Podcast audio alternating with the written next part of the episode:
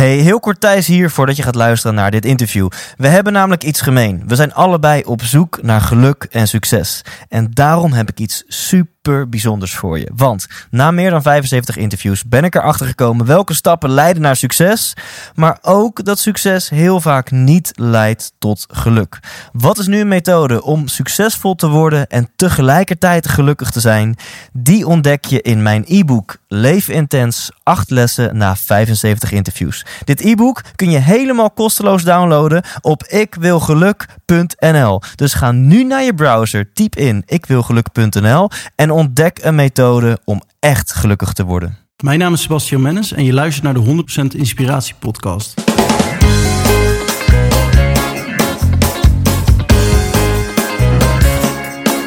Hey, wat goed dat je luistert. Hij staat weer voor je klaar. Je wekelijkse dosis inspiratie is weer daar. De allerleukste gasten geven al hun kennis prijs. Met je veel te blije host, hij praat je bij. Zijn naam is Thijs. Thijs, Thijs, Thijs, Thijs, Thijs.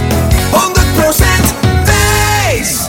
Welkom bij aflevering Intens 89. En ik kan nu alvast verklappen: deze aflevering, dit interview is een aanrader. Dus blijf zitten en blijf luisteren. Eerst heel kort iets anders. Elk jaar met kerst organiseer ik een kerstactie. Dat doe ik met een waanzinnig team onder de naam Rocking Up Xmas. En ehm, we hebben vorig jaar een record aantal van 250 gezinnen verrast met een luxe kerstpakket. En daarvoor hebben we meer dan 10.000 euro opgehaald. En op de donatiepagina ehm, ja, kwamen we met een aantal beloningen. En zo was de beloning wanneer je meer dan 1000 euro aan ons initiatief eh, gaf, dat je een eervolle vermelding krijgt in deze podcast. Nou, en dat deden Donald en Caroline Quint Schenk.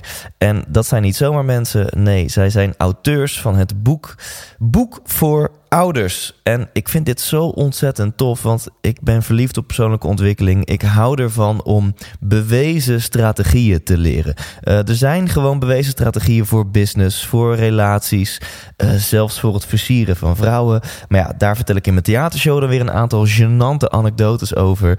Um, terug naar dit boek. Er zijn ook bewezen strategieën voor het opvoeden van kinderen.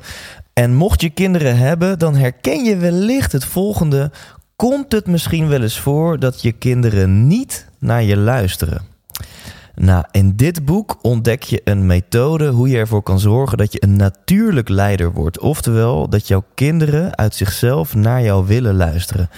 Dat lijkt me best wel waanzinnig. Oftewel, ontdek in negen stappen hoe opvoeden makkelijker en relaxter kan. Ik ben enthousiast. Ben je ook enthousiast? Check dan even succesvolopvoeden.nl, want daar kan je gewoon de eerste twee hoofdstukken gratis downloaden. Of als je een gesigneerd exemplaar wil winnen, dan kan je gewoon even mailen naar thijs.thijslindhout.nl. En over het winnen van boeken gesproken, in de outro van deze aflevering maak ik de winnaars bekend die het boek Persoonlijk Leefstijlplan van Richard Delet hebben gewonnen. Oké, dan snel naar de aflevering van deze week. Ik nader de 100 afleveringen en dat maakt het best een uitdaging om de variatie op te blijven zoeken. Ik bedoel, we hebben al vaker miljonairs aan het woord gehad, uh, experts op het gebied van persoonlijke ontwikkeling, topsporters. En daarom ben ik juist zo trots op deze aflevering dat het mij weer is gelukt om een nieuwe invalshoek in te slaan. En dat doet Sebastian Mennes. En Sebastian heeft afgelopen jaren pieken en dalen meegemaakt. En over die dalen gesproken, dat is een burn-out, een depressie en een rouwproces in zijn geval van een overleden broertje. En zijn missie is om het taboe te doorbreken om hier gewoon over te praten. Mogelijk heb jij zelf in je eigen leven of in je omgeving te maken met een burn-out. Ja, dan is deze aflevering een must listen voor je. Mogelijk heb je er nog niet mee te maken gehad. Dan is deze aflevering misschien nog wel nog belangrijker voor je. Want je gaat leren wat de symptomen zijn. En je gaat hele praktische tips leren hoe je hiermee om kunt gaan. Oftewel, dit kleine uurtje dat je investeert kan ervoor zorgen dat jij heel veel pijn voorkomt in je leven en dat je meer geniet. Ga actief luisteren. Hier is Sebastian Mennes. 100% Thijs. Dit is een bijzonder interview, want uh, dit is uh, volgens mij het allereerste interview in mijn eigen huis, in mijn nieuwe huis hier op Eiburg in Amsterdam. En ik kijk in de, in de zwoele ogen van Sebastian Mennes. Eh, sommige mensen ehm, herkennen jouw naam misschien, want jij hebt ooit in de, de Ziggo Dome gestaan. Maar I'm getting ahead of myself. We gaan het er allemaal over hebben. Yes. Om gewoon even bij het begin te beginnen. Ja. Ehm, wat wil je worden als je later groot bent? Ja, dat was al vroeg duidelijk. Eh, ik kan me nog goed herinneren dat ik een jaar of, nou ja, wat zal het zijn geweest? Zes, zeven was. En toen had ik eh, het lumineuze idee opgevat om mijn moeder hamburgers te laten bakken. En die zou ik dan bij ons uit het raam verkopen, weet je wel. En ik had echt mijn moeder zoiets, ja, maar dat gaan we dus niet doen. En ik, ik weet nog dat ik zoiets had van, ja, maar waarom niet? Het is toch gewoon een geweldig idee. Je gaat die dingen eh, eh, ja, maken en ik ga het geld opstrijken. Dat was even, hè, als klein jongetje zat het er dus al vroeg in, die ondernemersgeest. Ehm, Eh, uit het raam van jullie huis. van ons Of- huis, ja. ja. Ik dacht, nou, geweldig komen er mensen langs. Die hebben allemaal honger. Iedereen moet eten. En dan kan mijn moeder lekker hamburgers bakken. En dan gaan we, ga ik die gewoon verkopen. Dus ik, ik weet nog dat ik gewoon het, het idee van... Ja, maar waarom kan dat dan niet? Dus, dus het idee van inkoop, verkoop en een marge pakken, dat Ja. zat er gewoon vroeger al in. Ja, dat was al, eh, dat, was, dat zat er Ja. al vroeg in. Ja, Ja. tof. En dat, dat is de, een Sebastian van, eh, nou ja, zes jaar oud, acht jaar oud of iets dergelijks. Ja, Eh, als ik dat in de huidige tijd in jou vraag. wel, je bent 33 lentes jong. Wat Ja. wil je worden als je later groot bent? nou, ik denk dat ik hè, ondernemer, en dat is ook wel uitgekomen. Eh, ik heb altijd de verleiding kunnen weerstaan om vooral niet voor een baas te gaan werken. Ehm, want ik weet dat er dan, hè, dat ik, dat ik, ja, eh, nee, dat zou niet goed aflopen. Ik ben daar niet diplomatiek genoeg Da- voor. Daar zijn alleen maar verliezers. Er zijn alleen maar verliezers, juist, Ja, ja. juist. Dus dat zou niet werken. En ik ben eigenlijk eh, tijdens mijn... eh, ik heb dan op het gymnasium... was ik ook al bezig, had ik allemaal handeltjes, weet je. Of verkocht ik allemaal cd'tjes. En dan is een week nog goed, zat ik thuis... ja, en dan ging ik op Napster ging ik alle nummers downloaden die ik nodig had... om die cd'tjes te kunnen maken voor mijn vrienden. En dan nam mijn moeder de telefoon op en dan hoorde ze... "Eh, dat geluid Ja. van een modem. Ja. Sebas, zet dat internet uit. En op een gegeven moment was het, had ik het zo bond gemaakt dat ik mijn moeder eh, eh, een paar euro per eh, hè, minuut of weet ik veel, of per, nee, per half uur moest ik een bedrag betalen om van het internet gebruik te, want het waren allemaal tikken in die tijd. Ja. Omdat zij zag ook wel, ja, jij bent gewoon als een klein ratje, ben je al die euro's Ja. aan het opstrijken voor die, of guldens nog was het toen nog, voor die cd's die ik verkocht. En, en mijn moeder maar al die, eh, die, ja, die Ja. rekeningen betalen, weet je wel. Dus dat, ja, dat, dat, ging toen al business toen. het was al business toen. ja, Ja, ja. En toen heb ik eh, ja, als 17-jarige gymnasiast... ehm, had ik een, zag ik een kans, want de voetbalshirtjes... Na de, na de, ja, vlak, voor- ja, de, de euro kwam en de voetbalshirtjes werden veel duurder. Dus wat ben ik gaan doen? Die ben ik eigenlijk online, ben ik op eBay, was toen nog best wel klein. Kocht ik die dingen ehm, in de productielanden Ja. flikkerde natuurlijk allemaal van de vrachtwagen daar. Die kocht ik dan in en die verkocht ik hierdoor. Had ik een webshopje in elkaar gehackt zelf. En toen hoefde hij nog niet te betalen op Marktplaats om daar advertenties op te zetten. En dan verkocht ik ze daardoor, weet je. Dus ik had een hele handel. En op een gegeven moment eh, weet ik nog goed dat mijn vader naar me toe kwam. Hé hey vriend, jij bent dus met mijn creditcard, zonder KVK-nummer, zonder licentie van Nike, Adidas, ben jij die dingen aan het verkopen? Ja, en als, dadelijk, als ze dadelijk op de stoep staan, eh, hoe gaan we het doen dan, weet je wel? Ehm, en nou ja, goed. Dat in combinatie met het feit dat ik er niet heel veel energie van krijg, kreeg om pakketjes van A naar B te schieten. Ja. Ja, ik merkte toen al van, nou, mijn purpose is niet eh, retail. Ja. Ja. ja, toen ben ik eigenlijk gaan freelancen. En, en, en ja, ik was een, een neefje, iedereen kent wel een neefje die websites kan maken. Nou, zo'n neefje was ik. Ehm, ja, dus zo is het verder Ja, dat begon inderdaad, ik denk eh 10, 15, misschien 20 jaar geleden. Dat inderdaad iedereen wel iemand in zijn in zijn netwerk Ja. of een neefje. Ja, die doet iets met websites, zeg Ja, maar. ja, en een paar van die neefjes die zijn inmiddels eh, best wel loaded en, en, en. En hebben mooie bureaus opgericht. ja. En eh, ja, jij was dus toen ook een van die Ja. eh, mannetjes die eh, op 16 jaar leeftijd aan het pielen was met websites Ja, en zo. en dat ging, ja. ja, dat ging gewoon lekker. En ik, ben, en ik, ik kon daar ook mijn creativiteit in kwijt. En ik was toen al, toen was al duidelijk van, ik wil iets doen waar ik mijn creativiteit in kwijt kan. En niet continu datzelfde. Ik had wel ook een bijbaan als eventmanager. En dat vond ik ook wel, ja, vond ik wel leuk. Alleen het was ook weer steeds elke keer hetzelfde. En ik zocht toch wel iets meer afwisseling. Ja, Ja. En ehm, ja, we, laten we verder gaan in jouw levensverhaal. Lijkt me een Ja. mooie rode draad voor Ja, het interview ja. ook. En eh, hier zit, voor zit ook nog een introotje waar ik eh, de mensen al helemaal lekker heb gemaakt. Wat voor pieken en dalen we mee gaan maken en wat jouw missie is. En dat is misschien mooi om straks mee af te sluiten. Dus als je nu je levensverhaal zo verder doorpakt. Hoe, ehm, eh, na je gymnasium heb je wellicht een studie gedaan. Ja, ik ben eh, eerst Erasmus, nou, bij de, de Erasmus in Rotterdam, daar was het zo, dat kreeg je een boek en een datum. Prettige wedstrijd, kon je het uitzoeken. Dat kwam het er wel een beetje op neer. Ah, dat was gewoon niks voor mij. Ik was veel te speels, weet je wel, feesten. Toen ben ik in, in Tilburg eh, gaan studeren. En Tilburg is echt, ja, is geweldig, een warm bad.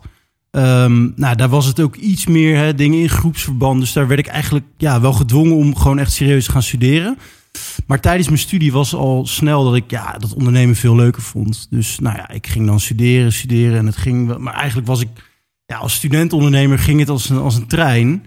Ehm, ik kwam toen in 2009 in de lijst van Sprout, meest veelbelovende jonge ondernemers. Ja, en de sky was the limit. In 2009 was dat. Ja, dat was in 2009. Dat is een jaartje of negen geleden, dus toen was je 24 of zo. Ja, zoiets. Ja. En toen, ehm, En, en wat, wat maakte dat jij in die lijst kwam? Waar, waar was je op dat moment mee bezig? ik had toen een, eh, een webbureau. ehm, en dat webbureau, ja, we, we bedienden grote klanten. Dus eh, TNT Express, eh, gemeente Amsterdam, eh, Universiteit van Tilburg. Ja, dat waren grote projecten. Dus ik kwam in die lijst terecht.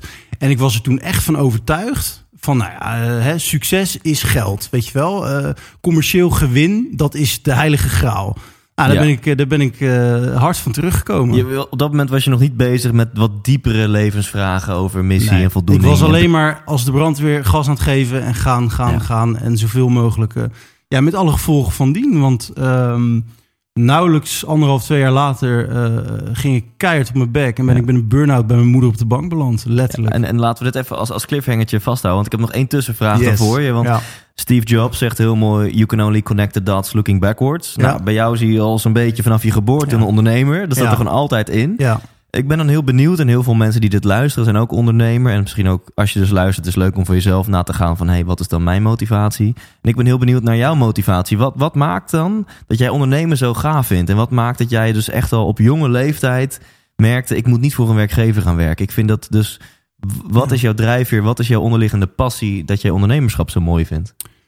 Nou, het is, het is in, de, in de eerste plaats zelfkennis. Want ik heb, een redelijk grote bek, eh, eh, heel weinig geduld. Ehm, ja, dus ik wist al van ja, ik ben een beetje een rebel. Dus, dus hè, ik wil. Maar het is, als ik, als ik het moet samenvatten, zijn er twee dingen: vrijheid en creativiteit. Ik vind het ontzettend leuk. Wat mij drijft is dingen creëren. ehm, binnen de, de, ja, de context die ik voor mezelf schep. Dus die vrijheid is voor mij echt een ding. Dat hoor je natuurlijk vaker bij ondernemers. Maar ik, ja, dat is voor mij het allerbelangrijkste om de dingen te doen. En als er ook, hè, want als je een baan hebt, ehm, ja, je vindt het niet leuk, ga je een andere baan zoeken.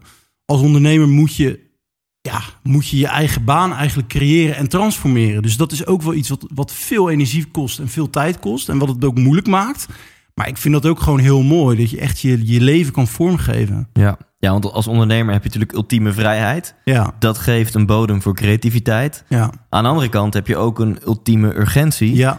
eh, want je moet aan de bak. Ja, en je moet het zelf doen. en Niemand dat gaat voor jou doen. Ja, en dat vergt er weer discipline en Absoluut. structuur. En Ja. dat lijkt een soort van tegenpolen Ja, van vrijheid een en continue, creativiteit. continue paradox. Ik zeg altijd, Ja. mijn, mijn, mijn gestructureerde moeder en mijn eh, ja, creatieve en chaotische vader... die strijden om voorrang in mij.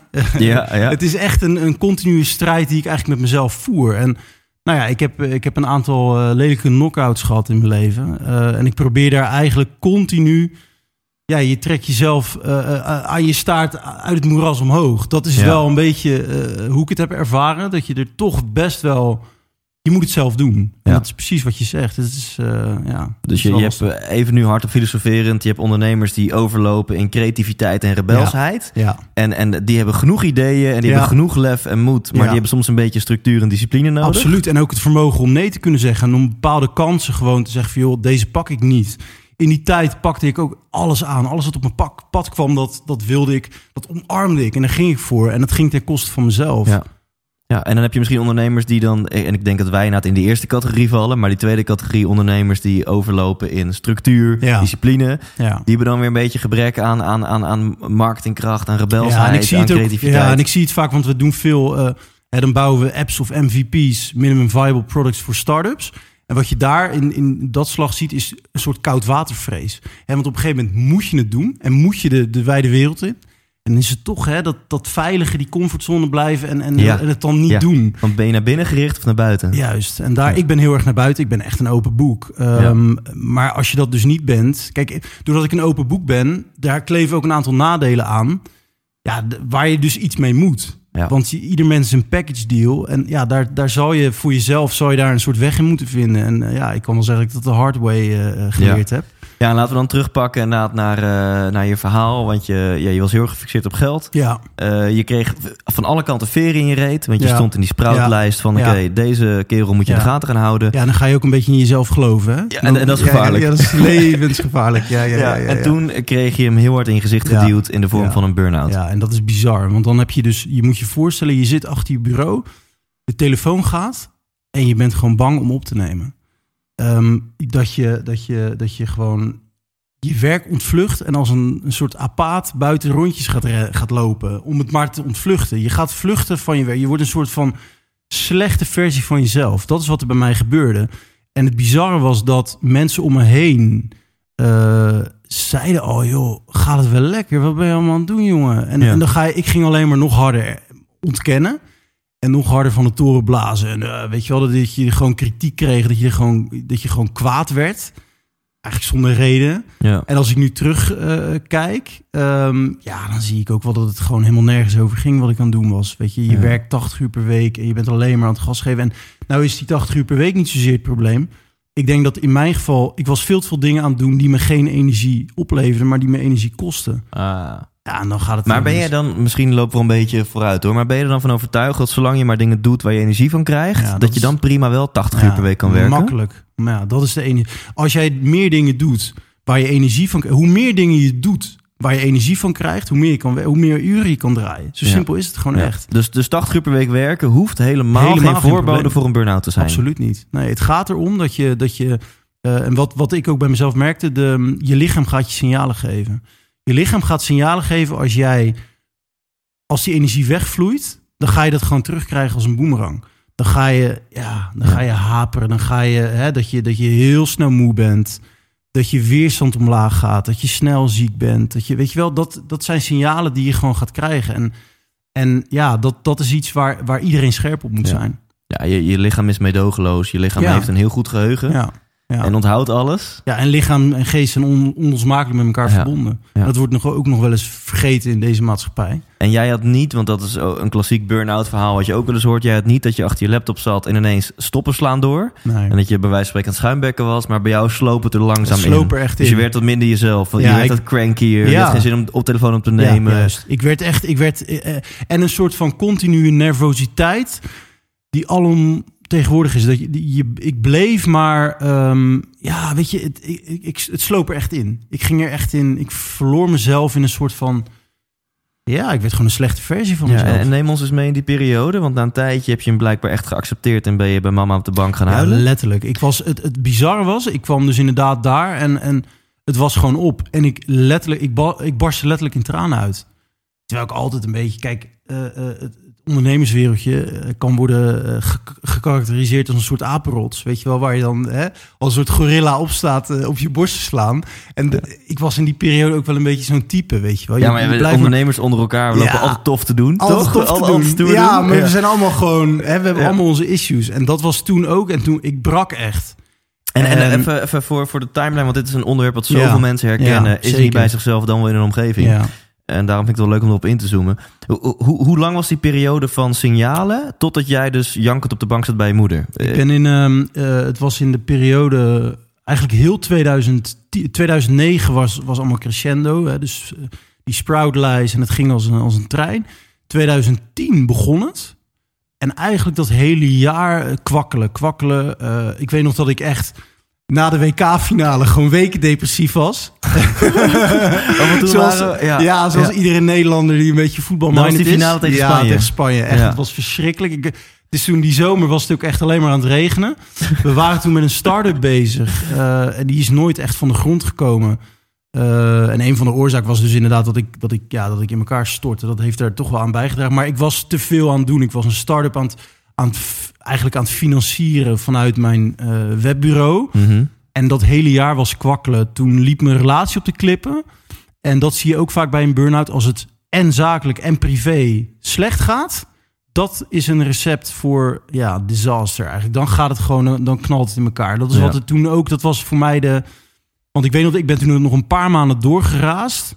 En eigenlijk in, ja, wat zal het zijn geweest? Maart 2011 ongeveer.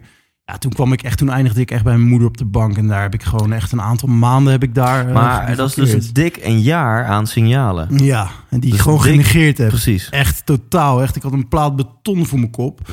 En ja, En je lachte mensen waarschijnlijk uit die zeiden van... hey normaal, Sebastian, eh, denk dat, dat overkomt mij niet. Ja. Dat overkomt mij niet. Dat is voor zwakkelingen. Ja. En, en zo zat ik daar echt in. En, en dat, dat zie je, dat hoor je ook vaker. eh, hè, dat, dat mensen het gewoon compleet negeren.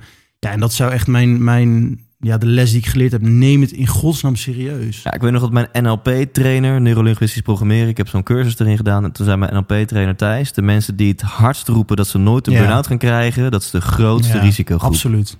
Echt, eh, dat onderschrijf ik volledig. Ja. Ja. En ik weet nog wel toen, want ik, ik moest er vorig jaar ook aan geloven. En eh, het is me wel gelukt om nog een beetje te blijven werken. Maar Ja. ik zat echt even goed in een dal qua energie. Maar jij, eh, jij, wa- jij was er op tijd bij, of niet? Ja, en ik, ik, ik heb in elk geval de- die klassieke burn-out verhalen zo van... ik zit achter mijn laptop, ik ben aan een PowerPoint bezig... en de stoppen slaan door Ja. en ik lig een half jaar op bed. Dat heb Ja. ik niet gehad. Nee. Bij mij sloop het erin en heb ik actie ondernomen... en heb ik nog steeds in die periode Wel mijn bedrijf kunnen, leiden... Ja. één of twee keer per week op het podium kunnen staan. Maar Ja. dat als ik op Ja. woensdag on stage moest... was ik zondag al bezig met energiemanagement. Je was net, ik denk dat je net op tijd was. Ik, ik, ik heb echt, ik heb er maanden. Maar ik was achteraf was ik. ik was natuurlijk niet op tijd, maar het had ook erger gekund. Ik ben wel, laten we zeggen, op tijd bij die op die bank van moeder beland. Want als je nog langer doorgaat, ja, dan is het echt. Dan kan je er gewoon jaren uit zijn. Ik ben er maanden uit geweest, wel dat ik echt gewoon niet kon werken. En ik weet nog dat ik in die periode dan. Weet je, dan had ik zo'n moment van yes, nu kan ik de hele wereld weer aan de. Dan stapte ik op mijn fietsje en dan ging ik weer terug naar die zaak. En dan zat ik daar en dan zag ik die berg. En dan dacht Ja. ik, fuck, dit, nee. Dus je, je had even, zeg maar, had je weer je Ja. energiereserves voor 10% aangevuld. Ja, en, en dan- dacht je, ja. oké, Sebastian, top of the world. en dan ging je weer. Go. En dan, ja, en dan kwam ik daar en dan was het echt van, wow, nee, fuck, nee, nee, nee, nee. Dit is hem niet.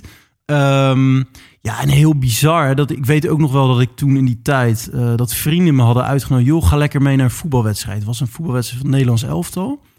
En dat ik daar in dat stadion kwam... en dat ik een soort pleinvrees had. Al die mensen, weet je wel. En het kwam allemaal op me af. Het kwam allemaal binnen. Echt totaal overprikkeld. En, en ik was nog naar, hè, naar mijn vrienden... Ik hield me nog groot. Maar dat was echt zo'n moment... dat ik me gewoon niet meer groot kon houden. Dat die ook zoiets hadden van... Het is met hem Ja. aan de hand. En, en dat moment dat je dan dus eraan toegaf, hè?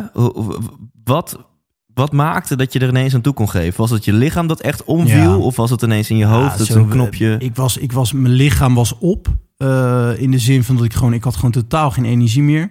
En mentaal kon ik het ook niet meer. Weet je wel, je ging, ja, ik was gewoon eh, helemaal, ik was echt de slechte versie van mezelf. Die was, was gewoon, ja, die, die was niet af en toe aanwezig. Die was alleen maar aanwezig. Ja. ja. Dus het is, het is niet een heel concreet moment.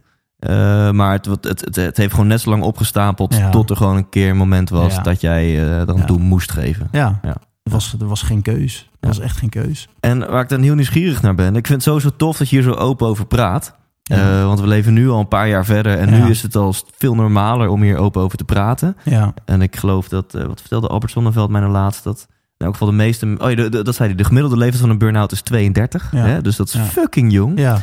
Ehm, Maar het is ook wel jonger geworden. Hè? Want vroeger was een burn-out iets voor ja, Eh, wat kwam eerst? De snelle auto hè, of de burn-out bij iemand met een midlife crisis? Ja, dat was de precies. associatie, Ja. weet je wel? Dat je, dat je rond je 50ste, 60ste.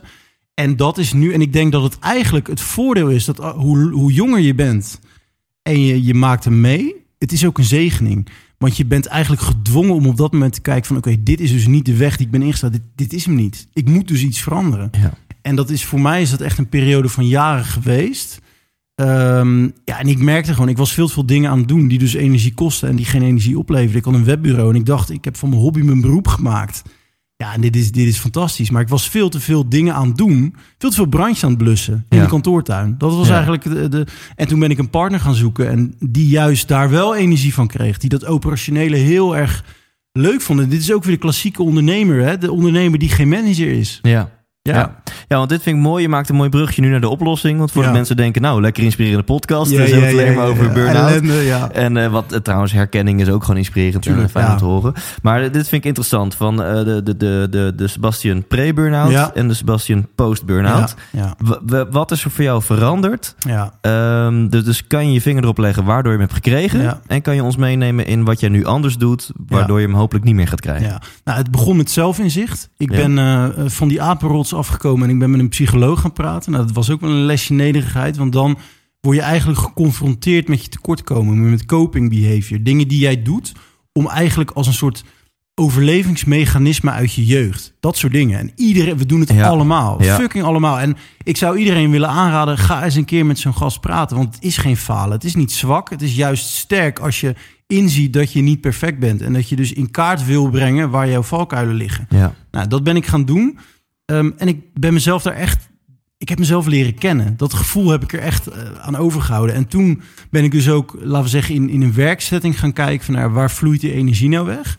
En daar dus inderdaad op zoek gegaan naar een partner. Ik wilde ook echt een partner, want als je dan iemand aanneemt, ja, dan komt er een andere trein voorbij en is die weg, kan je het weer allemaal zelf gaan doen. Dus ik wilde echt een partner in mijn webbureau. Ehm, ja, die dus die dingen eh, eh, ja, kon en, en ook wilde doen. En, en, en ik ben mijn business gaan, eh, gaan omgooien. Want wat ik dus. ehm, ik had dus een webbureau en we hebben eh, dus even weer terug. Mhm. Ik was dus op een gegeven moment was ik, eh, nou dat neefje, dat websites, maar en het werd steeds technischer en veel meer werk. En ik had mijn studie ernaast, ik deed ernaast. Toen was de afweging, oké, ga ik nu iemand aannemen als student zijn en ga ik die tussen de onderbroeken die daar aan de waslijn hangen in mijn studentenkamer aan het werk zetten? Of ga ik verder kijken? Toen ben ik allemaal pilots gaan doen, internationaal. Ben ik projectjes uit gaan zetten bij ontwikkelaars in China, Oekraïne, Filipijnen, India. En toen kwam ik er eigenlijk achter dat dat ja, intercultureel uitbesteden, zoals je dat eigenlijk noemt, dat dat best wel moeilijk is. En het intrigeerde me van waar zit nou dat, waar zit die moeilijkheid nou in? Nou, ik had toen op de universiteit vak International Management. Ik ben me daar helemaal in gaan verdiepen. De cultuurverschillen, hè? eh, weet je, de, de, de hofstedendimensies. In hoeverre eh, ja, verschillen culturen van elkaar ten aanzien van risicoaversiviteit, eh eh, wij-cultuur, eh, ik-cultuur. Hè? Hier zijn we heel individualistisch. Ja. Toen kwam ik erop uit dat het eigenlijk dat India best wel een geschikte bestemming zou zijn om daar op zoek te gaan naar een partner. Die heb ik gevonden. Ben met een lokale partner ben ik een, ben ik de, ja, ben ik een onderneming ook daar opgezet. Want Ik had niet de illusie dat ik als ja, buitenlander het daar allemaal zou kunnen Ja. gaan. Hè? Dan moet je echt lokale presence hebben. Dus ik Even, ben we hebben het over zakelijke partner. Ja, Ja, heel Ja, raar. ja, ik ben, compagnon. op, ik ben in India op zoek gaan naar een partner. Ja, naar een zakelijke partner. Dus, een, ehm, ja, en de- dus samen met hem eh token opgezet. En daar hebben we dus een team van programmeurs... wat daar dus voor ons, exclusief voor ons... Ja, dingen ging ontwikkelen. Stonden bij ons op de loonlijst eh, voor het webbureau. Maar tegelijkertijd voelde het ook een beetje alsof ik daar... Ja, als een soort VOC'er aan het profiteren was van goedkope arbeid. Want waarom ga je naar zo'n lage lonenland? Ja, dat is natuurlijk heel Ja. duidelijk. Kan je eh, overlullen, maar dat is gewoon eh, kosten. Ja. Dus ik had al altijd het idee, ik wil hier iets mee. En toen ben ik eigenlijk eh, na die burn-out, ben ik gaan inzien, het draait niet allemaal om profit. Het gaat ook echt om purpose. Wat is nou mijn purpose? En vanuit die gedachte dacht ik, hoe mooi is het als je ehm, je business, want iedereen heeft het over duurzaamheid, je business verduurzamen op een manier dat het echt structureel iets bijdraagt. Dus wat zijn we gaan doen? We zijn met eh, New Sourcing, heet eh, het nieuwe bedrijf, zijn we maatwerksoftware gaan ontwikkelen. En een eh, percentage van de omzet, dus niet van de winst, dat is te makkelijk. Een percentage van de omzet zijn we in een, via een stichting in ontwikkelingsprojecten gaan doen. Nou, dus we hebben dan een platform ge- opgericht waarmee mensen in India voedsel met elkaar kunnen uitwisselen. Ja. Nou, dat is een pilot geweest en dat is, dat is nooit af. Dat loopt nog steeds. Het kost alleen maar geld en tijd en energie. Maar het is ontzettend, ik vind het ontzettend leuk om te doen. Het geeft heel veel voldoening. Ehm, en op, op, op die manier ja, eigenlijk duurzaamheid in mijn, in mijn bedrijf te verankeren, dat is iets wat. Dat heeft voor mij ook ertoe geleid dat ik op een andere manier in het ondernemerschap ben gaan staan. Hè, dus ik zou iedereen willen adviseren. Kijk ook waar je purpose zit. Ga niet alleen maar winstbejag blijven nastreven. Want ja, daar wordt niemand echt. Ja. Dus jij merkte om op, op, op eigenlijk een stukje maatschappelijke verantwoordelijkheid Ja. toe te voegen aan je business, Ja. dat dat op een veel dieper level zorgde voor voldoening Juist, voor jou. exact. Ja. Ja, Vet. ja. En ehm, als je hier wat, wat algemene eh, wijsheden uit kan destilleren, zeg maar, voor, voor, voor iedereen die nu luistert en zelf in een burn-out-achtige situatie zit, of in zijn omgeving iemand heeft die erin zit. Eh, je noemt nu al van, nou ja, let op je energie. Ja, kijk hè? waar de energie wegvloeit. Dat, is heel belangrijk. belangrijke. Voor Ja. jou had dat als gevolg dat je dus op zoek bent gegaan naar een businesspartner die de dingen kon doen waar jij... Ja, waar je eh, niet goed in ja, was. waar jij op leeg liep Ja, en dat betekent dus wel dat je ook je, dat je, je sterktes, want we hebben het allemaal over hè, competenties, sterktes. Wat zijn nou je zwaktes? Dat is interessant om jezelf te vragen. Waar, wat kan je nou niet? En, en ga daar ook vooral bij je collega's, je vrienden, je familie. Ehm, vraag dat ook van, joh, wat, hoe zien jullie dat? Eigenlijk gaan mensen interviewen, las ik, la- las ik in een boek laatst van... Ga eens een soort van, eh, ja, weet je wel, zo'n zo'n interview doen, een peer review eigenlijk over mij. En, en heel, hè, la- laat je niet tegen het hoofd stoten van, oh, kritiek. Nee, dat is juist goud. Want dan kom je er gewoon achter waarvan jij denkt dat je er goed in bent. Dat Ja. je het gewoon helemaal niet kan. Ik ben helemaal geen manager, ik ben een ondernemer. Wist ik veel. Ik deed ook maar wat, weet je wel. Nou, dat, Ja. dat, dat zijn gewoon van die klassieke Ja. valkuilen... eh, waar je ja, in mijn geval moest intrappen om Ja. erachter te komen. Ja. Dus, dus check ook gewoon je zwakheden. Je energielekken zijn misschien nog wel interessanter dan je energiebommen. En waar is nou je pur waar, wat is nou je purpose? Waar hou je, wat is de zingeving van jouw bestaan? Ben je alleen maar geld aan het verdienen om de hypotheek te betalen? Of, hè, waar, dat is niet Ja. de, de insteek. Ja. Je, moet, je moet iets doen waar je... What makes you tick? En waar hou je Ja. die drive van? Ik denk dat dat nog een laag dieper is dan waar krijg je energie van. Je, Absoluut. want je, ik, ik zit, zit, zit steeds meer met het idee dat dat gelu- ik vind gelukkig zijn helemaal niet zo'n chill woord. Ik vind een beetje, ben je gelukkig? Ja, weet ik veel. Gelukkig Eh, is, is, een, is in die zin een, een abstract en relatief begrip. Eh, Ik denk dat je precies die lagen die jij schetst, je moet die verdieping met jezelf aangaan. En het lastige is dat we natuurlijk eigenlijk geconditioneerd zijn vanuit onze prestatiemaatschappij om alleen maar aan die oppervlakte te zitten. ja. We, we durven onszelf helemaal niet af, meer af te vragen. Ja, waar, waar, waar draait het nou eigenlijk om in ons leven? Wat vinden we nou belangrijk voor onszelf? En dat zijn ook, het zijn best wel existentiële vragen. ja, En die moet je jezelf stellen. ja. En wacht niet tot je bij je moeder op de bank ligt, maar ja, stel Ja, en ik denk, maar als je daarmee aan de slag gaat, dan kom je dus op het gebied van niet waar word ik gelukkig van, maar op het gebied van waar haal ik voldoening uit? Ja. Wanneer ervaar ik betekenis? Wanneer heb ik het gevoel dat ik iets bijdraag, dat ik nuttig ben? Want we hebben allemaal de behoefte om nuttig te zijn. Ja, En als je daarmee bezig bent, dan kan je denk ik ook met veel meer negativiteit kopen. eh, Ja, de, de- absoluut. Omgaan in je leven. Zeker. Om, omdat je eh, Ja. je leven een doel dient. absoluut. Een Absoluut. heel mooi boek is natuurlijk A Man's Search for Meaning van Viktor Frankl. Misschien ken je Ja, die. ja, ja, ja. Ja, onwijze le- Ja. le- leestip. Oké, dus als ik even de big three van Sebastian eruit mag destilleren. Hè, van dus ga op zoek naar jouw diepere purpose. Ja, Ga ook gewoon op de oppervlakte op zoek naar jouw energiemanagement. Wat kost energie, wat levert energie op? ja. Ehm, en, en ja, wat eraan bij kan dragen is zoek een peut. Zoek een therapeut, een psycholoog, een Ja. coach. Iemand, weet je wel, echt eh, man the fuck up. Eh, zeg tegen jezelf in de spiegel, eh, ik heb hulp nodig en ga hulp Nou, zoeken. ik zie hem niet zozeer van iedereen moet dat doen. Ik zie het meer als je echt vastzit, ga het dan doen. Ja, Maar heb niet de illusie dat het een eenmalig iets is. Kijk, wij denken bijvoorbeeld nu ook, studie is klaar, dan ben je uitgeleerd. Niemand is fucking uitgeleerd. We zijn heel ons leven aan het leren. Ja. Anders zou het niet goed zijn. Dus wat je met die, met die het is wel grappig, het is ook wel weer cynisch. Allebei mijn ouders zijn psycholoog. Nou, en ik heb dan de, hè, de, de grootste mentale uitdagingen. Nou ja, goed, het zou Ja. toeval zijn, nee. Ja. Ehm, eh, waar het om gaat is, mijn vader zegt, eh, die, die noemt dat ook, die, zegt, die heeft het dan over olieverversen.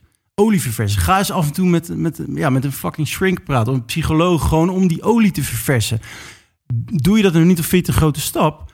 Geef jezelf dan tijd voor reflectie. Ga dan eens opschrijven. Waar krijg je nou energie van? Ga die dingen gewoon voor jezelf opschrijven. Deel het met niemand als je dat niet wil. Maar sta erbij stil. Want we staan er nooit bij stil. We razen maar door. En het houdt nooit op. En we zijn een soort, we zitten in een rat race. En het blijft Ja. maar, hè, die treadmill blijven maar Ja. rondje, rondjes rennen. Dus inderdaad reflectie. dus besteed aandacht en tijd aan reflectie. Ja. En in welke vorm, of dat mediteren is, of met een bloknootje op een boomstronk gaan zitten. Of een, ja. Of is voor iedereen verschillend. Eh, ja, en is precies. niemand, daar is geen één ding, maar, maar die reflectie die is belangrijk. Ja, absoluut. Oké, en dan verder in je timeline. Nou, Ja. even, even kort door de bocht. Burn-out Ja. zat erop. Ja, En jij ging weer lekker door. Ik ging weer lekker En door. toen kwam je volgens mij in een volgend eh, dal. Ja, want wat gebeurde er toen? Ik had dus het webbureau naar een partner gezocht en dat ging lekker. Nou, dat kost wel heel veel tijd om het dan inderdaad over, over te dragen. Want ik ben een ondernemer, ik ben ook echt een totale control freak. Weet je wel, dus ik was nog veel te veel bezig met die dingen. Dus het heeft mij ook tijd gekost om dat echt los te laten. Tegelijkertijd was ik ook mijn business aan het verduurzamen. En wat ik eigenlijk merkte was dat ehm, eh, ik had daar echt een visie bij. Weet je wel, van hoe mooi is het als je eh, ook maatschappelijk verantwoorde software kan laten ontwikkelen. En wat ik merkte was, het klanten interesseerde het geen ene fuck. Weet je wel, mensen waren alleen maar bezig met, ja, eh, wat, is allemaal leuk, maar wat kost het? En we leverden dan, dankzij eh, onze vestiging in, konden we goedkopere, eh, ja, eigenlijk uurprijzen leveren. En wat ik merkte is dat ik toen in de valkuil ben getrapt om, ehm, kijk, je moet, je moet het je zo zien als jij een webbureau hebt. Het is altijd, de ellende is altijd fixed fee. Hè? Dus dan ga je iets doen voor fixed fee. En uiteindelijk ben jij eigenlijk het voortschrijdend inzicht en alle eh, dingen die langer duren ben je aan het voorfinancieren. Ja. Vandaar dat ook het nieuw sourcing model dan was van oké, wij leveren goedkope uren. Die uren daar, die hè, dragen ook nog eens bij aan een beetje een betere wereld, doordat we daar initiatieven ontplooien. Maar goed, wij nemen geen fixed fee aan. Hè? En eigenlijk wat, wat, ik, wat ik toen merkte is dat er veel te veel projecten doorheen werden geduwd een beetje. Hè? Want dan begin je, dus dan ben je ook geneigd om alles maar aan te nemen. Ja. Die dan toch het karakter van fixed fee hadden. En toen ging het dus met mijn business gewoon niet goed op een gegeven moment. En als ondernemer is dat levensgevaarlijk. Want je ontleent, ik ontleende mijn identiteit als persoon aan mijn fucking business. Nou, dat is. Er gaan killing. bij luisteraars belletjes rinkelen hoor. Ja. Eh, elke ondernemer Ja. die luistert denkt, Ja. holy fuck, dat doe ik ook. Nou, en dan, ben je, dan kom je in een hele andere dynamiek terecht. Want dan ben je. Dan ga je forceren en dan wil je dat dingen lukken. Dan wil je dat. Ik weet nog dat we een klant hadden. En die klant die had ons eh, eh, ja, een stapel code van 10 jaar oud eh, aangeleverd. Die we maar even moesten reanimeren. Dat was gewoon een mission impossible, weet je wel. Dan zit je met allemaal oude meuk en dan moet je iets mee. Nou, dat werkte gewoon niet. En geen technische specificaties. En wij gingen maar aan de gang. En je wilt dan laten slagen. En toen in, in diezelfde periode, het was echt in een, in een week tijd, dat, dat ik dus, eh, eh, nou, die klant, dat ging hem niet, dat, dat werd, die haakte eh, af, waardoor we met een, een financiële strop kwamen te zitten. We gingen verhuizen met de zaak, dus naar een nieuw kantoor. Nou, ik kwam er dus achter door het gesprek met een psycholoog. Mijn ouders zijn gescheiden toen ik zeven was.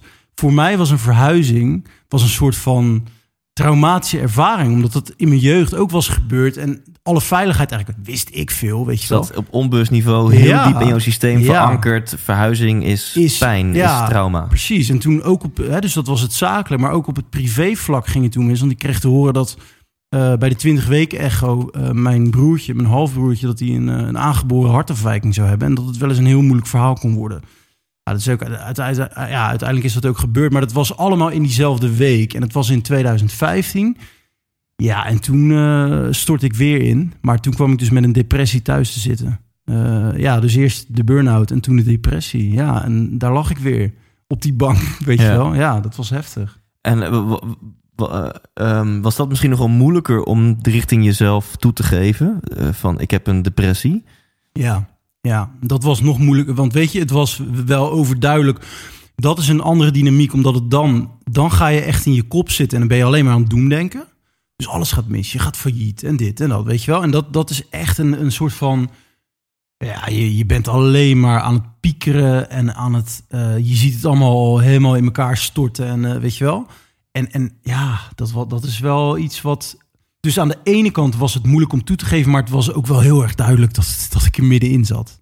Snap je? En, en ja, dus het, het was misschien aan de ene kant ja, ook weer helemaal niet zo moeilijk om toe te geven. Want Wa- wa- Was Ja. het ook wel lekker misschien om gewoon dat, dat, dat labeltje of niet voor jezelf of van oh, ik zit in een depressie, Nou, was- dus ik kan er ook uitkomen of zo. Dat, dat, Nou, nee, want het moeilijke is, je zit dan echt in een zwart gat waarvan je, je ziet daar geen, je ziet echt van, ja, hoe ga ik dit fixen, weet je wel? En het lastige was ook dat in diezelfde periode was eh, eh, ook onze tweede opkomst, dus eh, de, de 20 weken echo van mijn vriendin, die kwam een maand later. Dus dat was ook iets waar je dan heel erg bang voor bent. Van, hoe zou dat dan allemaal goed zijn en hoe gaat dat dan? Dus het was, ja, het was een bizarre situatie waar ik in zat. Ja. ja.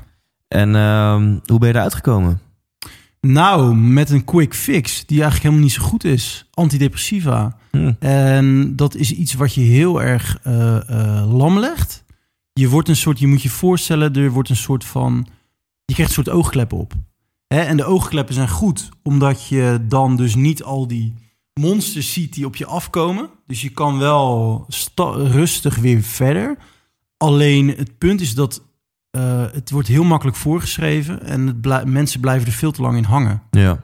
En eh, ik ben zelf meer van de, eh, hè, dat je dus ja, goed op je voeding letten, goed, goed op je slaap letten. Ehm, ja, ik heb bijvoorbeeld, want dat is ook ontspanning. Hè? Wat, is, wat is onze ontspanning in onze. Is dus vaak, je gaat met je vrienden ga je zuipen. En dan kom je, dan slaap je twee uur, heb je gigantische kater. En dan begint je week met een valse start. Nou, ik had dat dan, ik had niet zozeer dat ik, dat ik een alcoholprobleem had, maar ik had wel één of twee keer per maand dat ik gewoon op die manier met een valse start begon. Ja. Ik ben dus, ik drink dus geen alcohol meer. Ik ben ermee gekapt. Ehm, ja, weet je, want ik werd ook een slechte versie van mezelf in die zin dat ik gewoon dan, ja, als het gewoon niet goed ging, dan, ja, we- weet je, dan, ik moest ermee kappen. Er, er moest een soort van balans komen dat je gewoon niet meer die, die, die uiterste eh, had. ja. En dat heeft mij heel erg geholpen. En toen ben ik uiteindelijk ben ik ook met, gekapt met die antidepressiva. Daar kreeg je dan wel een soort van, eh, ja, kickback moment van. Ja. Maar het, is, het gevaar van die troep is dat mensen er veel te lang mee door blijven gaan. Ja. En dat je er echt... Het, je, Ja, ik interviewde in een aflevering twee weken geleden Richard de Let. Ook inmiddels goede vriend van mij. En hij is in mijn ogen de expert van Nederland op het gebied van voeding, gezondheid, vitaliteit. En die kwam met een hele mooie metafoor. Die zei, onze hele, eh, de hele eh, geneeskundewereld is er eigenlijk op ingericht om symptomen te ja, bestrijden. het is allemaal symptoombescheiding. En hij Ja. zegt alsof je olielampje gaat branden in je dashboard. Ja. En dat jouw maatregel is, ik draai dat lampje eruit en dat flikker ik uit het raam. dat. Ja. En dat is volgens mij ook antidepressiva. Ja, het is allemaal symptoombestrijding. Ja. En daar is de hele. En het, het, lastige is natuurlijk ook dat de hele farmaceutische industrie daarop draait. Want ja, het is natuurlijk heel eh, ja, aantrekkelijk om dus maar die medicijnen te blijven. Maar dan gaat het, je moet die, die, achterliggende, die diepere oorzaak, die moet je dan aanpakken. Ja. En dan moet je dus kijken van ja, het is, het is ook bijvoorbeeld ehm, eh, hè, van wat zijn nou momenten, bijvoorbeeld een, er was een keer een metafoor, een, een taxichauffeur. Wat is het moment dat hij de controle over zijn stuur verliest? Als hij niest. Het is heel idioot, weet je, maar dat is zo'n moment. Wat was bij mij, wa- was eigenlijk, ja, ik ben al een redelijk ongeleid projectiel, maar als ik, als ik dan eh, eh, drink, ja, dan ging ik alle kanten op, weet je wel. Dan, nou, kap daar dan mee. Weet je wel, neem ook zelf rigoureuze maatregelen om gewoon te zorgen dat jouw ja, mentale balans ook gewoon in evenwicht blijft. Ja. Ehm, ja, en, en nou ja, die voeding, sporten, ga, hè, en, en dat zijn echt van die dingen die, ja, rust, eh, reinheid, regelmaat. De, de, de SAIO-tip richting mensen in een depressie zijn van... nou ja, de antidepressiva kan best voor tijdelijk. Ja, en ga dan tijdelijke ga parallel daaraan aan de slag... met structurele oplossingen Ja, die de kern sporten. aanpakken. Ja, en ga echt sporten, want dat is zo ongelooflijk belangrijk. En, en ja, heel veel mensen die En denken... trouwens, mensen, er zit hier een Sebastian tegenover mij, die is ripped. Echt, eh, die, die, Nou. die biceps die trillen bijna in je shirtje uit, jongen. Dus jij, jij hebt volgens mij sport eh, redelijk in de Ah, praktijk gebracht. Jij, kan er ook wel wat van. Ja, dankjewel. Ja, ja, ja, ja. Nee, maar inderdaad, sporten is echt... eh, en ik doe een fantastische sport, natuurlijk sportief heet het. En het zijn eigenlijk het zijn, vrienden van me, mariniers, ex-mariniers. En die hebben eigenlijk al die oefeningen hebben ze naar- bij ons naar de dijk gebracht. Dus eh, ja, da- daar doen we dan inderdaad eh, hè, met, met, met boomstammen en stenen en, en lichamen die je dan inderdaad gewoon eh, op je nek neemt. En ja, het is een geweldige sport. Dus, dus dat zijn Tof. dingen, maar ja, je kan ook gewoon gaan hardlopen. Maar Ja. ga wel iets, doe Ja. daar wel iets aan. En stel, wat ik ook een, een stelregel voor mij is, is dat ehm, sporten is eigenlijk net zo belangrijk als een zakelijke afspraak. Dus ik word ook gek als ik een blessure heb. Ja, ja. Want dan, ja, weet je, als ik niet kan sporten, dan word ik gewoon, ja, dat is gewoon niet goed. Ja. Ik moet gewoon sporten. Dat, is ook, dat noemt Richard ook. Die zegt van, plan een afspraak met je bijnier in je agenda. Hè? En dat noemt dus ultieme ontspanning. En voor een is dat sporten, voor de ander is dat sauna. Voor de ander is dat een avondje Netflixen. Voor de ander is dat in het Ja. bos eh, zitten. Ja. En eh, ik, dat herkennen, nou, ik denk sowieso alle achievers, eh, oftewel mijn luisteraars, ehm, dat zakelijke afspraken, die staan als een huis in je agenda. Ja, En dan stond s'avonds Ja. eigenlijk nog iets met je vrouw of iets met je man of, of, of sporten gepland. En dat je, schiet erbij in. oh, maar dat kan ik dan wel verzetten, weet je Het is wel? net als met eten, hè? Van wat, wat sneuvelt er het eerst? Ja. Als we druk hebben, dan gaan we toch die pizza weer naar binnen zitten schuiven. Of patat. Maar ja, die voeding is zo belangrijk. Je bent wat je eet. Dat is wel echt zo. Hè? En ehm, ja, la- laten we doorgaan met je Ja? timeline. Ja. Ehm, want eh, ja, sowieso tof dat je alles zo eerlijk deelt. Dat vind ik echt ja. heel bijzonder. Vind Ja. ik echt heel tof. En dat komt straks later in deze podcast. Ja, gaan we dat denk ik eh, hebben echt over je grotere missie. Want je, je gaat natuurlijk echt concreet wat mee doen om, om de taboes te, te doorbreken, Doorbreken, op deze gebieden. Ja. Eh, maar nog even door naar 2016. Ja. Toen kwam er een of andere, ja, een, een of andere Brit, eh, hoe heet die, Richard of zo? Ja, Richard, ja. Richard Branson. die kwam naar Ziggo Dome en er was een actie. Je kon Ja. daar op het podium staan. ja. En misschien dat sommige mensen denken... hey Thijs, je hebt ook meegedaan aan die actie. Ja, dat klopt. En ik, eh, ja, ik ben dus tweede geworden. En er is iemand die, die gewoon nog net eventjes wat beter was dan ik. En dat ben jij. Nou, het is, weet je, het was, het was, ehm, hè, het begon natuurlijk met de een wie heeft de meeste vriendjes contest. Dus toen kwamen we in die top drie en toen was er inderdaad een Ja, jij, jij stond met je kop in de krant. Dat had je heel slim gedaan.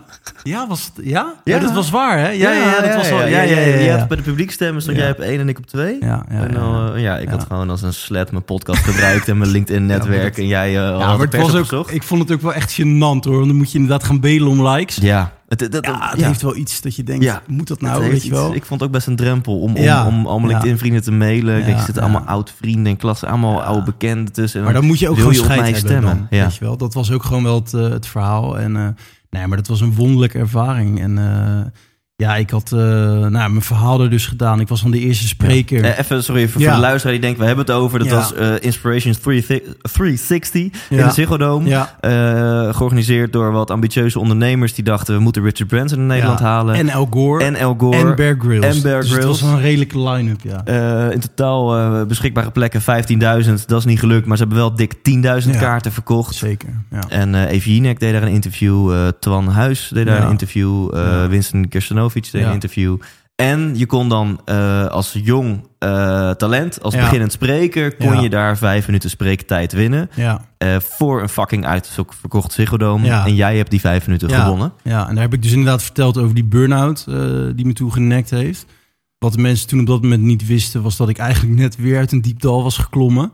Namelijk die depressie. En ja, dat, dus dat was voor mij ook wel echt een dubbel dubbele overwinning. Weet je, echt een overwinning om mezelf, om daar te staan. Zo heb ik het wel ervaren. Dus ik heb die avond echt in een soort roes beleefd.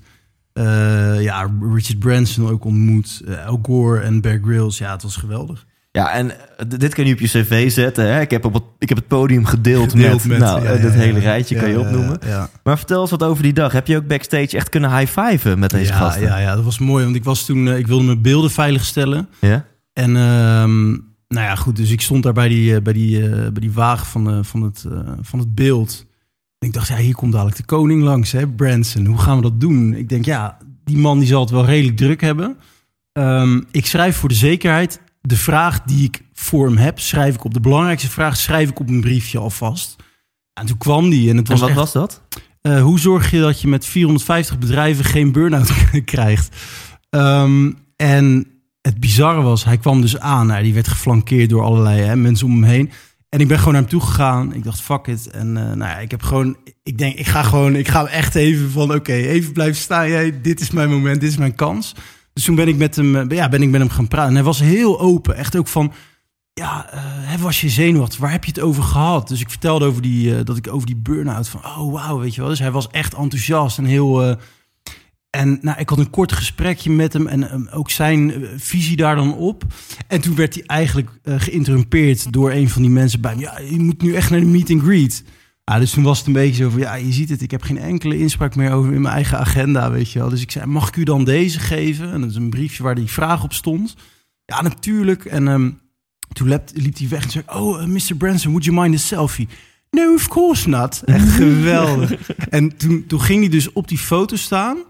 En hij gaf uh, mij het gevoel alsof hij blij mocht zijn dat hij met mij op de foto was. En ik denk dat dat zijn geheim is. Dat hij op die manier mensen om hem heen verzamelt. Ja, iedereen rent natuurlijk de poten uit zijn lijf voor hem. Maar hij is echt zichzelf. En hij heeft geen sterallures. Het is een fantastisch mooie baas. En dat bleek ook wel, want een aantal dagen later postte hij dus een filmpje op zijn Instagram. waarin hij antwoord gaf, echt uitgebreid op mijn ja, vraag. Ja, dat is toch niet Fantastisch. Ja, ja, ja, wel met een virgin sausje natuurlijk eromheen, want zo werkt het natuurlijk Ja. wel in die PR-machine. Ja. Maar nee, geweldig. Echt heel. eh, Maar wacht, heel hij, jij stopt hem dus een briefje toe van... Hey Ja. Richard, mijn belangrijkste vraag aan jou is... hoe voorkom Hoe je een, voorkom je burn- een een burn-out? En een paar En dagen een paar later dagen later gewoon een filmpje. Een filmpje op zijn Instagram met antwoord op die vraag. Ja, ja dat was mooi. Heel dat was vet. echt een, ja, dat was wel een momentje. Ja, Ja. dus eh, ja. Ja, en ehm, jij hebt volgens mij inmiddels aan meer mensen die vragen gesteld. Dat is Ja. ook als input voor jouw missie. En nou, laten we maar Ja. verklappen voor jouw boek. ja. Eh, wil je daar eens wat over vertellen? Ja, wat ik, wat ik eigenlijk, wat je merkte is dat uh, het begon dus. eh, Het was eigenlijk zo dat, dat ehm, nou, ik stond dan in die Sprout uh, Station, sta, Stage Time, nee, de Sprout uh, 2525 in 2009. En ik weet nog goed dat in 2014 uh, kreeg men daar de lucht van dat ik die burn-out had gehad. En die, de vraag was aan mij, wil je daarover on the record gaan? En ik moest er echt wel even over nadenken. En dat zelfs mijn ouders zoiets hadden van... Ja, moet je dat nou wel doen? Kan je dat je carrière geen schade toebrengen? En ik Ja. dacht, weet je, fuck it, ik ben een open boek. Ik ga het gewoon doen. Dus toen is er in 2014 een artikel verschenen... waarin ik dus heel openhartig als ondernemer vertelde... hoe ik die burn-out uh, heb ervaren op dat moment. En ik weet nog toen, het was echt een andere tijd. Want um, heel veel privéberichten. Mensen echt van, wow, respect dat je dit durft. En echt heel erg... Uh, uh, ja, ik heb hier ook last van gehad, maar niet openbaar in de comments. Weet je, het was echt op dat moment nog een taboe. En je merkt nu dat er een, een soort kentering aan het plaatsvinden is. Uh, hè, dat, dat de burn-out steeds meer bespreekbaar. Maar een depressie, ja, dat is nog steeds unheard of. Dat, dat vinden mensen, ja, dat is gewoon iets engs. En, maar dat is, er zijn gewoon zoveel mensen, echt eh, bijna een miljoen, die gewoon een burn-out of die ook eh, eh, met een depressie te kampen hebben. Ja. En ik geloof dat zelfs 20% van, van alle volwassenen in Nederland heeft ermee te maken of krijgt er ooit mee te maken. Ja, en dan denk ik dat dat heeft ook echt wel te maken met de manier waarop we onze maatschappij, onze prestatiemaatschappij met elkaar hebben ingericht. En hè, hoe de technologische vooruitgang daar ook een rol in speelt. En daar moeten we dus iets mee. Dus mijn missie is echt mentale eh, eh, uitdagingen en kwetsbaarheid uit die taboesfeer halen. En eigenlijk ja, de, de, de, de, de lessen die ik heb geleerd om tot een betere work-life balance te komen, om dat dus in dat boek vast te leggen. En ja, goed, wie ben ik dan? Dus ik ben daar ook mensen voor gaan, eh, gaan interviewen. Ja. En onder andere Gary Vaynerchuk, Nalden, ehm, nou ja, Richard Branson natuurlijk. Dat is Ja. ook, eh, ja, is geweldig. Ja, even ja. Gary Vaynerchuk, dat is ook host van de, een van de beste podcasts wereldwijd. Ik zit nu op 300.000 plays. Nou, hij zit op 300 miljoen plays, geloof ik. Weet je. Dus, dus dat is wel vet dat je hem ook hebt kunnen interviewen. Heel ja, tof. Mooi baas ook hoor. Ja, echt. Ja. Geweldig. En, en, en aan al die mensen eh, stel je onder andere de vraag... Hey Gary, hoe voorkom, je, je- een burn-out? Ja. Dus jij bent echt op zo'n hele slimme, duidelijke vraag... ben je van eindbazen antwoorden aan het verzamelen. Ja, dat is eigenlijk, ja, dat, daar komt het wel op neer. Ja, ja. ja. En die vraag heb je ook gesteld aan een, eh, een of andere miljardair... die wij hier in Nederland hebben. En nogal een baasje. Eh, vertel daar eens wat over.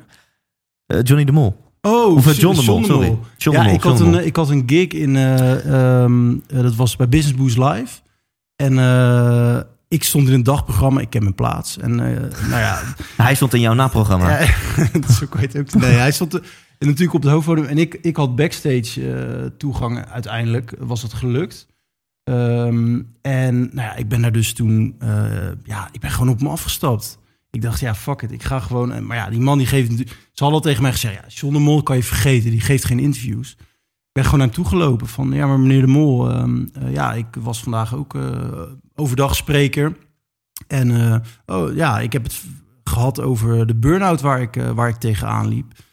Oh, nou, dat is wel een heftig onderwerp, zei. Ik Ja, eh, klopt. Maar hoe zorgt u er nou voor met eh, al uw bedrijven en belangen en investeringen dat u die burn-out niet krijgt? Hij zei, het is eigenlijk heel simpel. Jullie generatie doet eigenlijk veel te veel wat je niet echt leuk vindt. En ik doe dingen die ik fantastisch vind, iedere dag weer. En daardoor krijg ik echt geen burn-out. Dus ik probeer nog, ja, maar ik heb, ik heb van mijn hobby mijn beroep gemaakt. Nou, dan vond je je hobby toch niet leuk genoeg. Ja, stond ik dan met mijn bek vol tanden. Ja, dus het was wel even ook een, een, eh, een spiegel die hij me even voorhield daar. En eh, ja, ik vind het gewoon ook mooi, hè, dat, dat, soort, dat soort mensen. En dat is wel het voordeel van de tijdgeest nu, is dat die mensen ook, ja, die, die maken dat ook bespreekbaar. En dankzij hè, het feit dat zij daar open over zijn, wordt dat taboe ook gewoon doorbroken. En dat vind Ja. ik heel erg mooi om te Ja, zien. ik, ik durf wel te stellen dat jij er echt wel een, een rol of een rolletje in hebt gespeeld. In het feit dat, dat, dat, dat, dat Ja, nu misschien. in 2018 het onderwerp burn-out een stuk bespreekbaarder is dan vier jaar geleden. ja, En wat de ironie trouwens is, toen ik dus vol gas aan het battelen was met jou om die wedstrijd te winnen. Toen, eh, weet ik nog, het was mooi weer. Misschien kun je het nog wel herinneren die week. En eh, ik, ik was aan het strand met mijn toenmalige vriendin en mijn schoonfamilie. En ik zat alleen maar achter mijn laptop en Ja. dingen te doen. Ja, en mijn meisje zei ook van, schat, je bent al best wel overwerkt. Doe dit nou niet. Ik zei, nee, maar je begrijpt het niet. Dit is zo'n kans voor een carrière, weet je Ja, wel. Ja. En, en uiteindelijk is dan natuurlijk wel de ironie dat dan iemand die juist het onderwerp burn-out bespreekbaar maakt, Ja. die wedstrijd zeg maar Ja. van mij won. Eh, en ik voelde toen ook wel ergens van binnen, voelde ik wel een zaadje van, hé hey, Martijs, volgens mij zit hier ook voor jou wel een eh, bepaalde boodschap in. Een boodschap, ja. nou, en ik ja. zat toen ook gewoon lekker in mijn aanloopfase en een halfjaartje later eh, ging, ik, het, ging ik eh, onderuit. Ja, maar je bent er Dus, wel, denk ik, alsnog op tijd bij geweest. Want dat had wel erger kunnen aflopen. Ja. En wel, wel mede dankzij jou en, en gewoon de andere signalen. Het is gewoon lekker als, je, als het niet helemaal vreemd voor je is, zeg maar. Dat je merkt van, oeh, hey, deze signalen die moet ik even goed, Die goed moet je serieus nemen. Ja. Ja. En ehm, nou, jouw boek, hoe gaat het heten? Cutthecrap.me. Dus het is één grote... Cut the crap. Cut the crap. Ja, dus het is een, een, een, een, ehm, ja, een knipoog eh, naar de prestatiemaatschappij, maar ook naar mezelf. Eh, en het, is, het wordt één grote note to self. Ik heb gewoon alle ervaringen, lessen, lifehacks, eh dingen die, ik, die mij helpen. Maar ook bijvoorbeeld apps. Ik gebruik echt, ik ben een, ik ben een freak daarin. Ik heb nou ja, en een app, weet je, Apple Watch en een Fitbit. Dus zo'n, kijk, de, de grap is mijn strategie. is, Ik heb al mijn sociale media van mijn telefoon afgeflikkerd. Ja. En de tijd, de zinloze tijd die ik toen hè, met mijn Facebook-duim er doorheen aan het scrollen was, die gebruik ik nu om mezelf te meten. Dus ik ben daar weer helemaal in doorgeslagen. En die quantified zelf. Dus ik hou echt, ik hou alles bij. En het grappige is, doordat, doordat ik daar bewust mee bezig ben, gaat het ook beter. Mijn slaap, ik sliep echt veel te weinig. Dus ik ben, vanaf het moment dat ik mijn slaap ben gaan bijhouden, is dus de grafiek van mijn slaap eh, gemiddeld is dus omhoog gegaan. Dus dat is voor mij een, een, een manier om mezelf ook daarin scherp te Ja. houden. Ehm, ja, en dat, hè, dus, dus dat, dat, dat soort dingen komen in het boek. Eh, maar dus ook die interviews. Want ja, wie ben ik? Hè, dus inderdaad, andere mensen die daar, eh, die daar ja, ook echt wel wat over zijn. En veel grotere uitdagingen voor de kiezer hebben gehad dan ik. Ja, Die, die komen ook aan het woord. Ja. tof. En, en, en wat zijn je voorlopige conclusies over, eh, nou ja, die er in je boek komen, cutthecrap.me?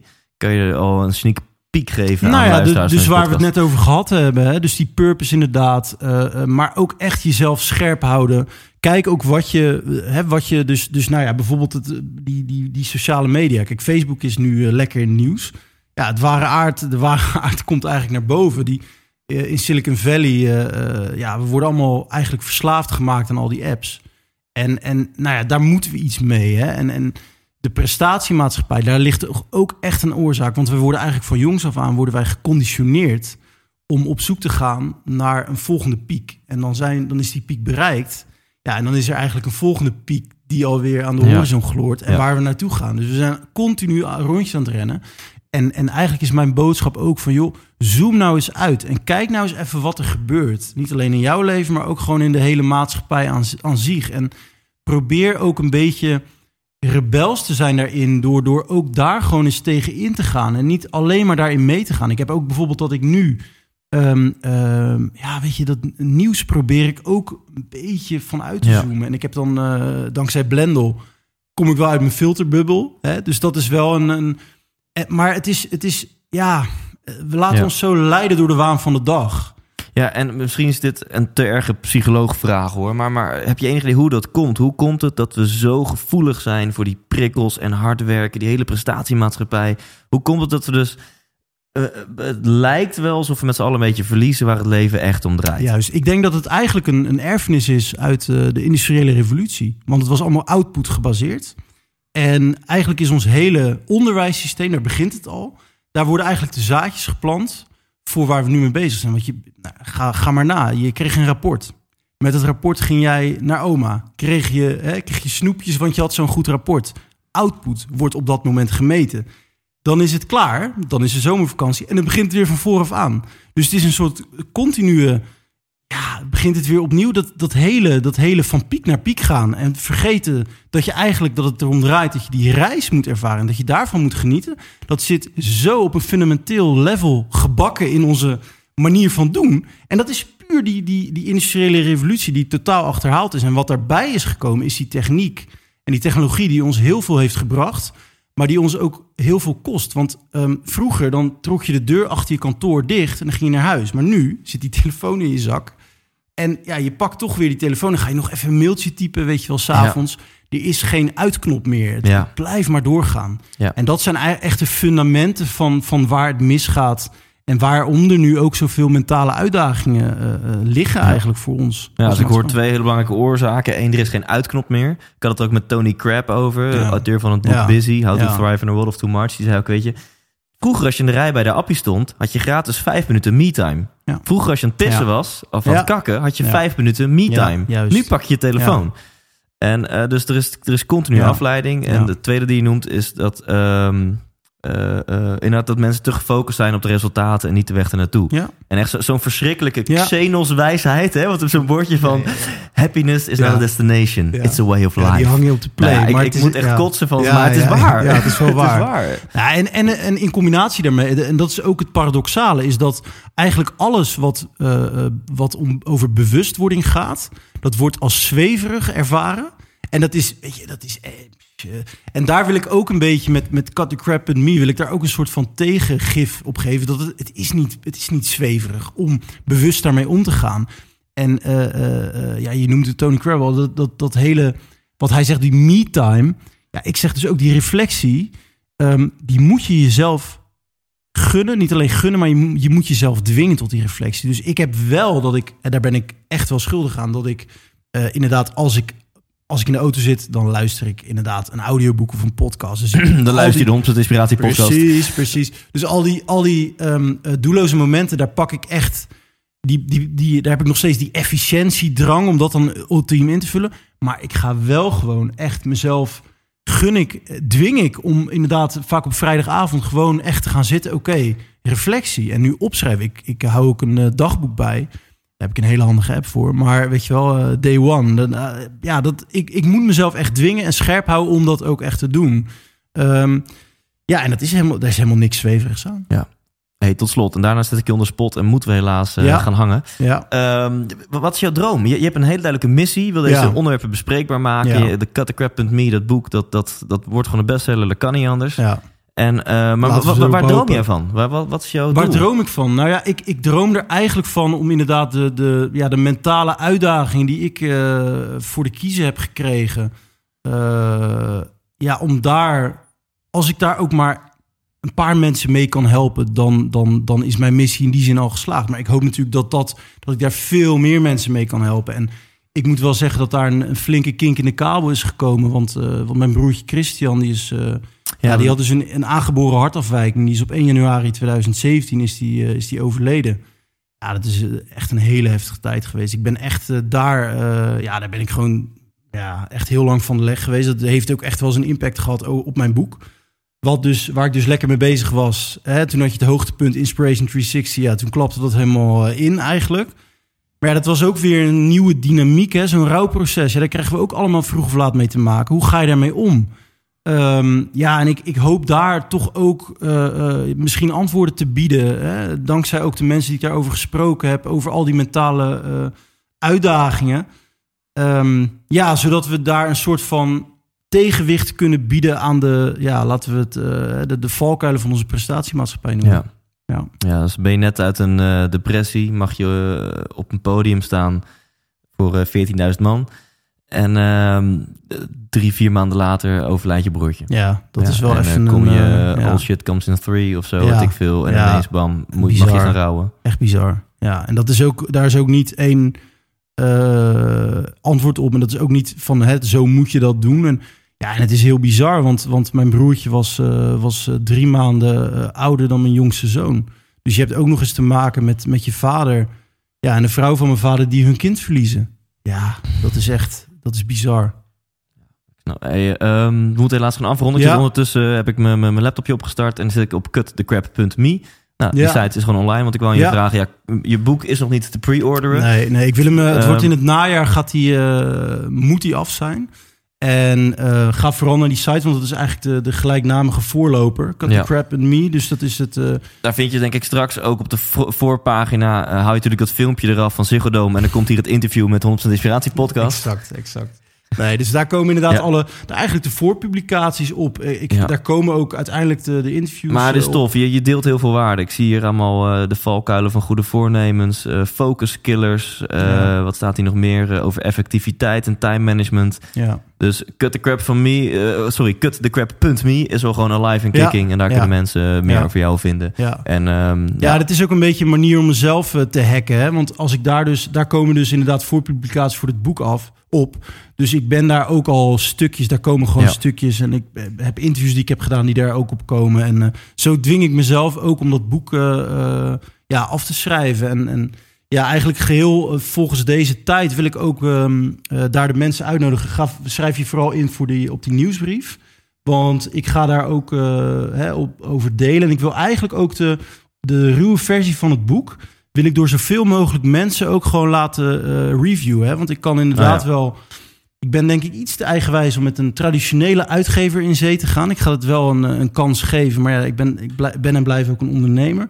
En ik heb zoiets van, ja, maar ik wil eigenlijk ook niet één redacteur die het checkt. Ik wil heel veel redacteuren en mensen die ideeën hebben. En van, joh, ga eens met die praten. Of kijk eens daar naar, naar, dat, naar die techniek of die tip. Hè? En zo wil ik dat boek. Het moet echt een, eh, ja, het moet Tof. een mooi naslagwerk worden voor ja, de, de uitdaging die eh, deze prestatiemaatschappij ons eh, te bieden heeft. Ja. Ja. waanzinnig.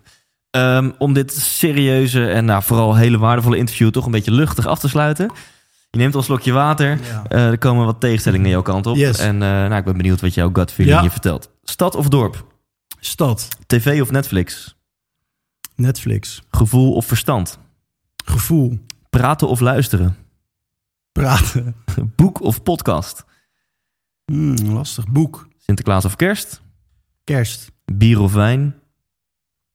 Hmm, bier dan, maar Ja, eigenlijk gewoon geen alcohol. geen Precies, nee. ja. Drank of drugs? eh, drugs. Jong en onbezonnen of oud en wijs? Jong en onbezonnen. Poetin of Trump? Poetin. Branson of Jobs? Branson. Beatles of the Stones? Beatles.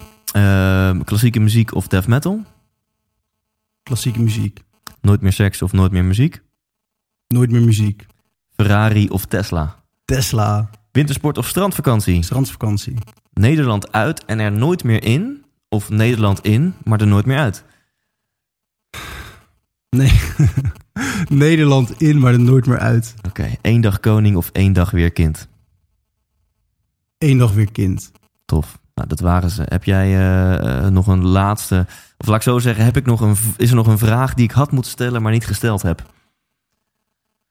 Nee, eigenlijk niet. Nee. Nee, ik, ik denk dat, dat misschien de laatste message die ik wil meegeven is... is cut the crap, ook voor jezelf. We, we liegen eigenlijk massaal tegen onszelf. We houden onszelf continu voor de gek. Aan de ene kant houdt het ons ook op de been. Want ja, daardoor hè, kunnen, we, kunnen we in deze maatschappij blijven eh, gaan. Maar aan de andere kant, geef jezelf echt de kans om ook eens uit te zoomen. En, en hou jezelf niet voor de gek als je... Ben je je werk alleen maar aan het doen om je hypotheek te betalen? Of, of, of ja, wil je die purpose nastreven? En, en ja, ga daarmee aan de slag. Amen. Yes. Dankjewel, Sebastian. Tot. Wijs, 100% wijs. Holy fuck, wat een wijsheden en wat een mooie gozer, Sebastian Mennis. Ik hoop dat je net zo enthousiast bent als ik. En zoals beloofd, de winnaars van het boek Persoonlijk Leefstijlplan van Richard Delet. Daar komt die tromgeroffel. Lisa van Rode, Sjaak van de Groep, Elsa, Heidi Merks en Leon van Steenkisten. Gefeliciteerd Leon, Elsa, Heidi, Sjaak en Lisa. Jullie krijgen van Richard een persoonlijk gesigneerd boek, Persoonlijk Leefstijlplan. Bedankt voor het luisteren. Wil je meer van Sebastian? Check dan cutthecrap.me. Hou deze man in de gaten. Check ook even succesvolopvoeden.nl, het boek waar ik het in de intro over had. En volgende week weer een nieuwe aflevering en een nieuwe inspirerende persoon. Tot die tijd, leef intens. Hey, Thijs hier nog even heel kort. Als je dit interview hebt geluisterd, dan ben je net zo'n gelukstijgertje als ik. En dan is er maar één ding wat je nu het allerbeste kunt doen. Namelijk gaan naar ikwilgeluk.nl, want daar download je helemaal kosteloos mijn e-book en ontdek je wat wel en niet gelukkig maakt. Oftewel, bespaar jezelf een hele hoop ellende van het zelf proberen uit te vogelen en ga nu naar ikwilgeluk.nl.